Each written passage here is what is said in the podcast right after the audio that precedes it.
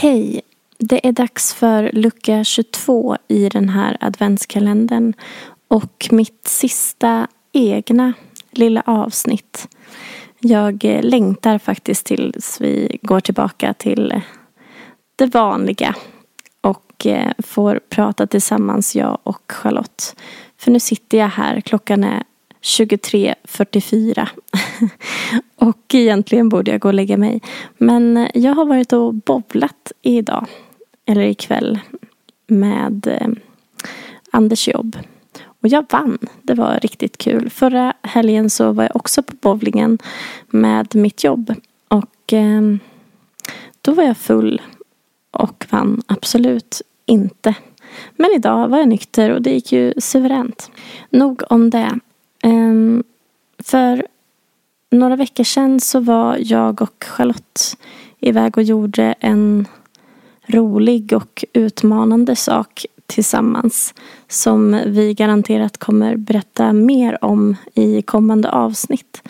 Men jag kan väl berätta så pass mycket att jag fick göra ett kärt återseende med den neoavdelning som en gång i tiden var mitt hem när Albin kom till världen. Min son Albin föddes ju den 8 november 2014 och Eh, kom i vecka 25 med sina 664 gram. Vilket resulterade i att hans första jul och nyår spenderades såklart på sjukhuset. Det var skönt att vi hade hunnit komma till vårt hemsjukhus då. Han eh, föddes i Umeå och sen låg vi i Uppsala. Men lagom till jul så hamnade vi i Karlstad.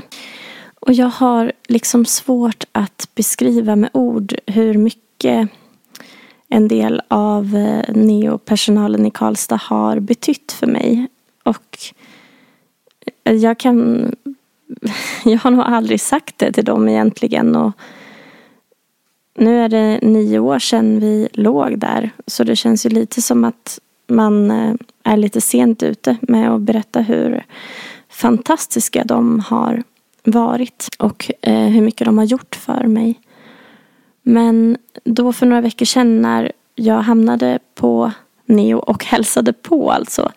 Så fick jag ju då träffa några av de här hjältinnorna. Som har hjälpt mig när jag har undrat över saker. Gånger då jag har suttit med min bebis i famnen och gråtit floder så har de kramat om mig och lagt en hand på min axel och funnits där för mig. Och jag förstår att det är en del av deras jobb att göra det. Men det finns också människor som har helt fel jobb och är på helt fel plats. Och det syns ju så väl när man just kommer till ett sjukhus där man ofta ligger för att man är skör och sjuk och känslosam. Ehm, och då, där syns det ju mest liksom vilka som passar där och vilka som inte passar där. Och en del av personalen på Neo i Karlstad de är på rätt ställe och de har hjälpt mig så otroligt mycket. Jag har så mycket att tacka dem för. Så för några veckor sedan när jag var där och eh, skulle få vara på Neo en liten stund så träffade jag Bodil. En av sköterskorna som hade mycket hand om Albin och som jag eh, säkert anförtrodde mig till. Eh, pratade mycket med en väldigt klok och härlig människa. Och hon öppnade dörren då för några veckor sedan och vi stod där i väntrummet och bara kramade om varandra. Och så fick jag höra det att eh, hon ehm, hon kanske inte var nervös men hon, hon undrade så ifall jag skulle komma ihåg henne. Och då fick jag möjlighet att få säga det till henne och sen skriva på Messenger efteråt att herregud kvinna vad du har betytt mycket för mig. Um, det är väl självklart att jag kommer ihåg dig och alla andra. Alltså Eva på avdelningen. Som var den första som inte sa eh, bebisen eller kallade liksom barnet för han bara och sådär. Utan hon gav honom namnet Smulgubben och det var så jävla gulligt när hon kom in och frågade på morgonen hur, hur är det med Smulgubben idag när vi låg på eh, familjerummet och sådär. Det är de här små sakerna som man bara kommer ihåg. Eh, Och man, som man är så otroligt tacksam för. Och är det så nu att vi har några prematurföräldrar som lyssnar på den här podden som också, precis som jag, har kommit hem. Och det har gått ett tag. Alltså för mig tog det nio år då innan jag kom tillbaka till neoavdelningen. Men jag vill verkligen tipsa om att göra ett besök där igen när det har gått en tid, när det har lugnat ner sig och man inte längre befinner sig i den där karusellen som man inte kan förklara för någon annan än de som har befunnit sig i den vad det är liksom. Eh, och vad det gör med en. Jag eh, tyckte att det var det kändes välbehövligt. Jag kände ett lugn. Jag kände en förståelse på ett helt annat sätt. Att få komma tillbaka till det där rummet som man har sett så många gånger. Som man har legat i i månader. Och saker som man också tänker att man aldrig kommer glömma. Man gör det. Alltså man glömmer det. Och eh, det kändes på något vis som att få komma hem på något vis. När det har gått en lång tid och man har fått filtrera sina tankar. Ehm, så ett tips för er som känner att ni har kanske svårt att bearbeta vad ni har varit med om eller som jag kanske har skyfflat undan tankar och känslor i, i år. Liksom. Så vill jag bara säga att det är aldrig för sent att eh, ringa och säga hej kan jag få komma tillbaka och bara få, få se hur det var. Det gav mig frid på något vis. Men nog om det. Mitt sista avsnitt. Jag tänker mycket på det här med eh, tid. Och början av det här året så hamnade min familj i ett nytt eh, trauma. När Anders fick eh, hjärtopereras akut. Och eh, då drogs jag lite tillbaka till det som har varit svårt innan och det är inte konstigt att jag börjar tänka på neotiden då. Mm, men det ger som sagt perspektiv på vad det är man har och ehm, att vi ska glädjas åt det lilla faktiskt ibland.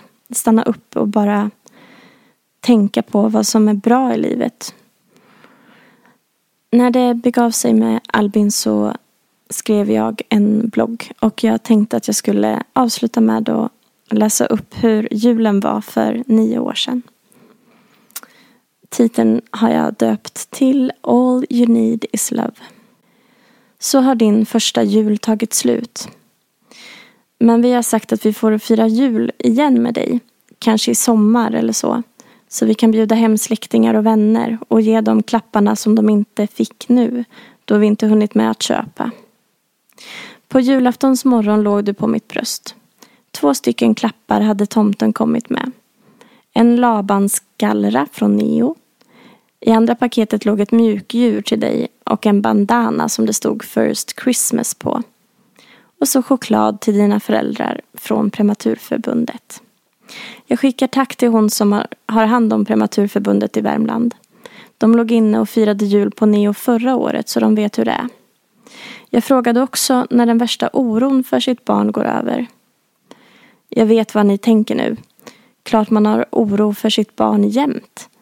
Men jag menar om man kanske inte vaknar en dag och inte har lika stor panik att ens bebis ska dö. Jag får som svar att den oron inte har försvunnit. Jag undrar hur mitt psyke ska palla det. Men jag har kurator tid imorgon så jag kan ju ta upp det då. På julaftons eftermiddagen lämnade vi dig en stund och åkte till din pappas släkt för att äta julbord.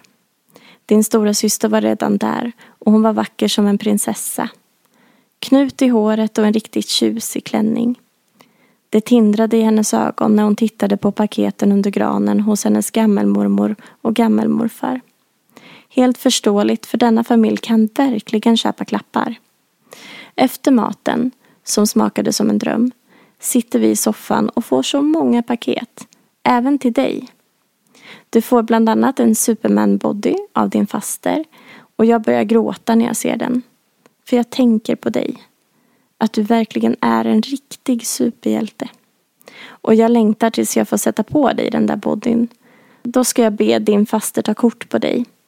Och om en snar framtid, när vi framkallat och förstorat upp det där kortet, då kan vi titta på det tillsammans och minnas den stund som vi är i just nu och tänka, det här gick ju vägen. Vad jag önskar att vi var där nu. Och så får du en elefantmamma med elefantbarn av din farmor. Jag tänker att det är du och jag i gosedjursform. Hon har gett din stora syster ett sånt gosedjur när hon var bebis och nu får du ett likadant. Matchande påslakan och elefantoverall där ena armen är som en snabel. Vad vi längtar tills vi får komma hem. Vi öppnar några klappar och tar med oss resten till sjukhuset eftersom vi varit ifrån dig länge nog. På kvällen kommer farmor och faster med din stora syster medan du ligger på pappas bröst inne på vårt rum. När de säger hej då öppnar vi våra paket från släkten och glädjespridarna. Så mycket fint vi får att orden inte räcker till. På juldagen skjutsar pappa hem Meja till Kristinehamn och jag stannar hos dig. Pappa kommer tillbaka och vi kör en favorit i repris med mys på rummet under kvällen.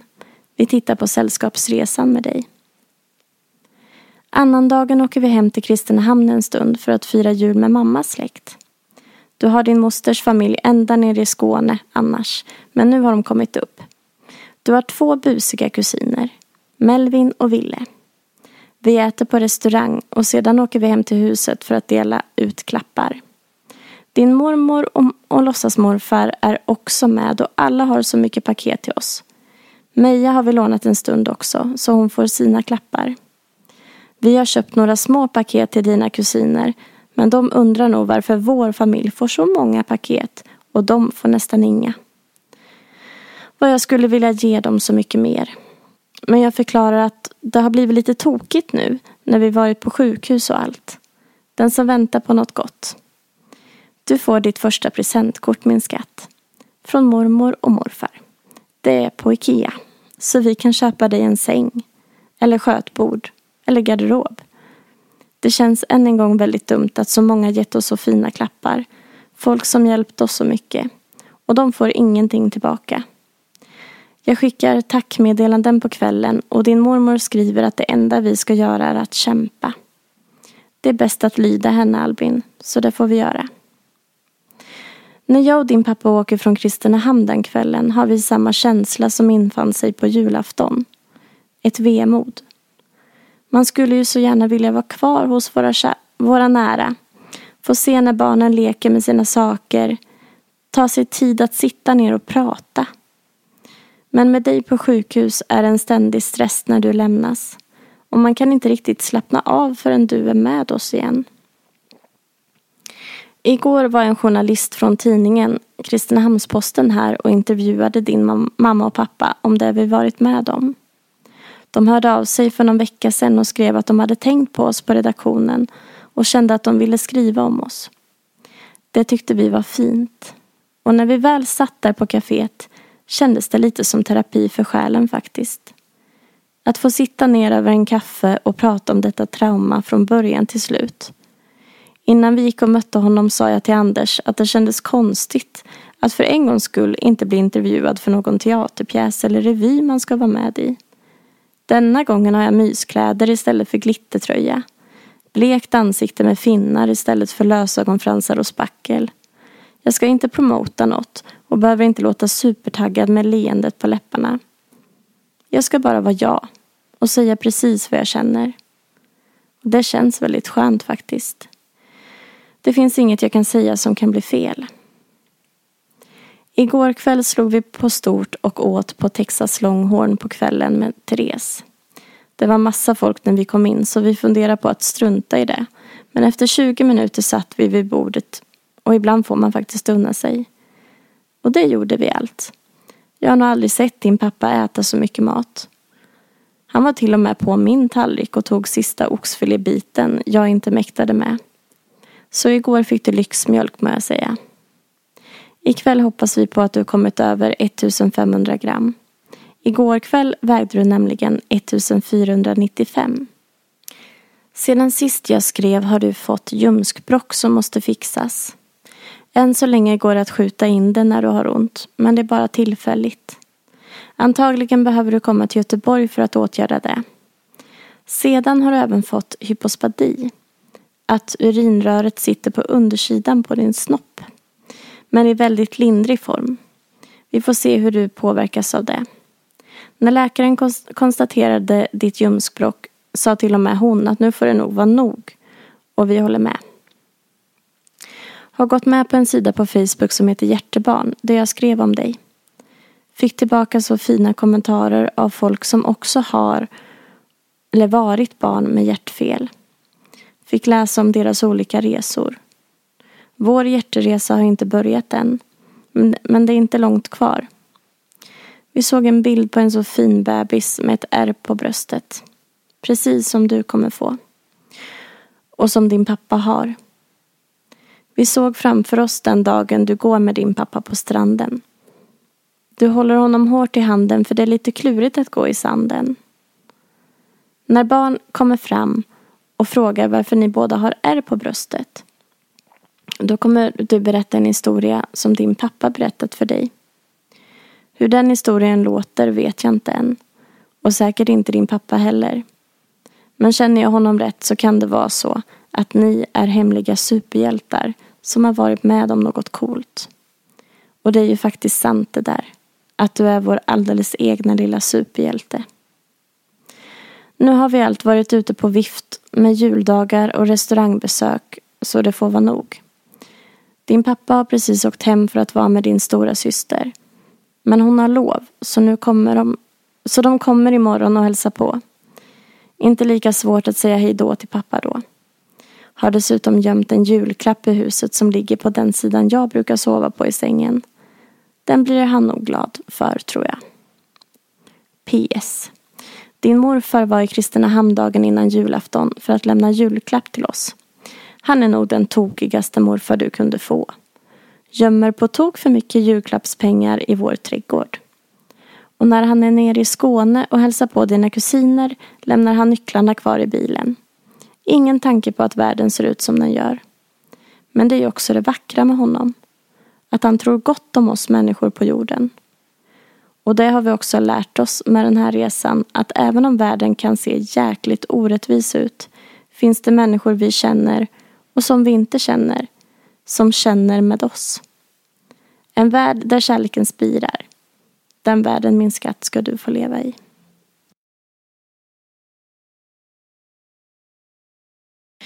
Ja, så såg vår jul ut det året Albin kom. Inte alls så som vi planerat, men de minnen som främst kommer till mig från den där tiden är ju också det viktigaste. Att vi får träffas, nära och kära. Att vi tar hand om dem som vill oss väl eller de som behöver hjälp. Att vi sträcker ut handen. Att vi talar om för dem vi älskar hur mycket vi älskar dem. Resten spelar egentligen inte så stor roll. Avslutningsvis så vill jag tacka alla som hörde av sig under vår neotid. Ni som köpte eller rotade fram leksaker och skänkte till oss som vi kunde ge till våra barn. Tack till Svenska kyrkan som gav oss en julpeng. För ni ska veta att Försäkringskassan lyste med sin frånvaro. Tack till Bodil, Eva och alla andra hjältinnor på Neo som tog hand om oss. Therese. Tack till Anders familj. Och min familj. Mamma. Som inte yttrade ett enda ord om sin verk under hela tiden. För hon visste att jag inte skulle klara av att höra det. Du sa inget mamma, men jag vet. Och jag älskar dig för det. Avslutningsvis tycker jag att vi ska bli bättre på det. Att våga säga till någon vi gillar att, att du tycker om personen. Och gärna varför. Eller varför inte ställa sig framför spegeln och säga något fint till dig själv. Du är bra. Du är snygg. Du är nog. God jul.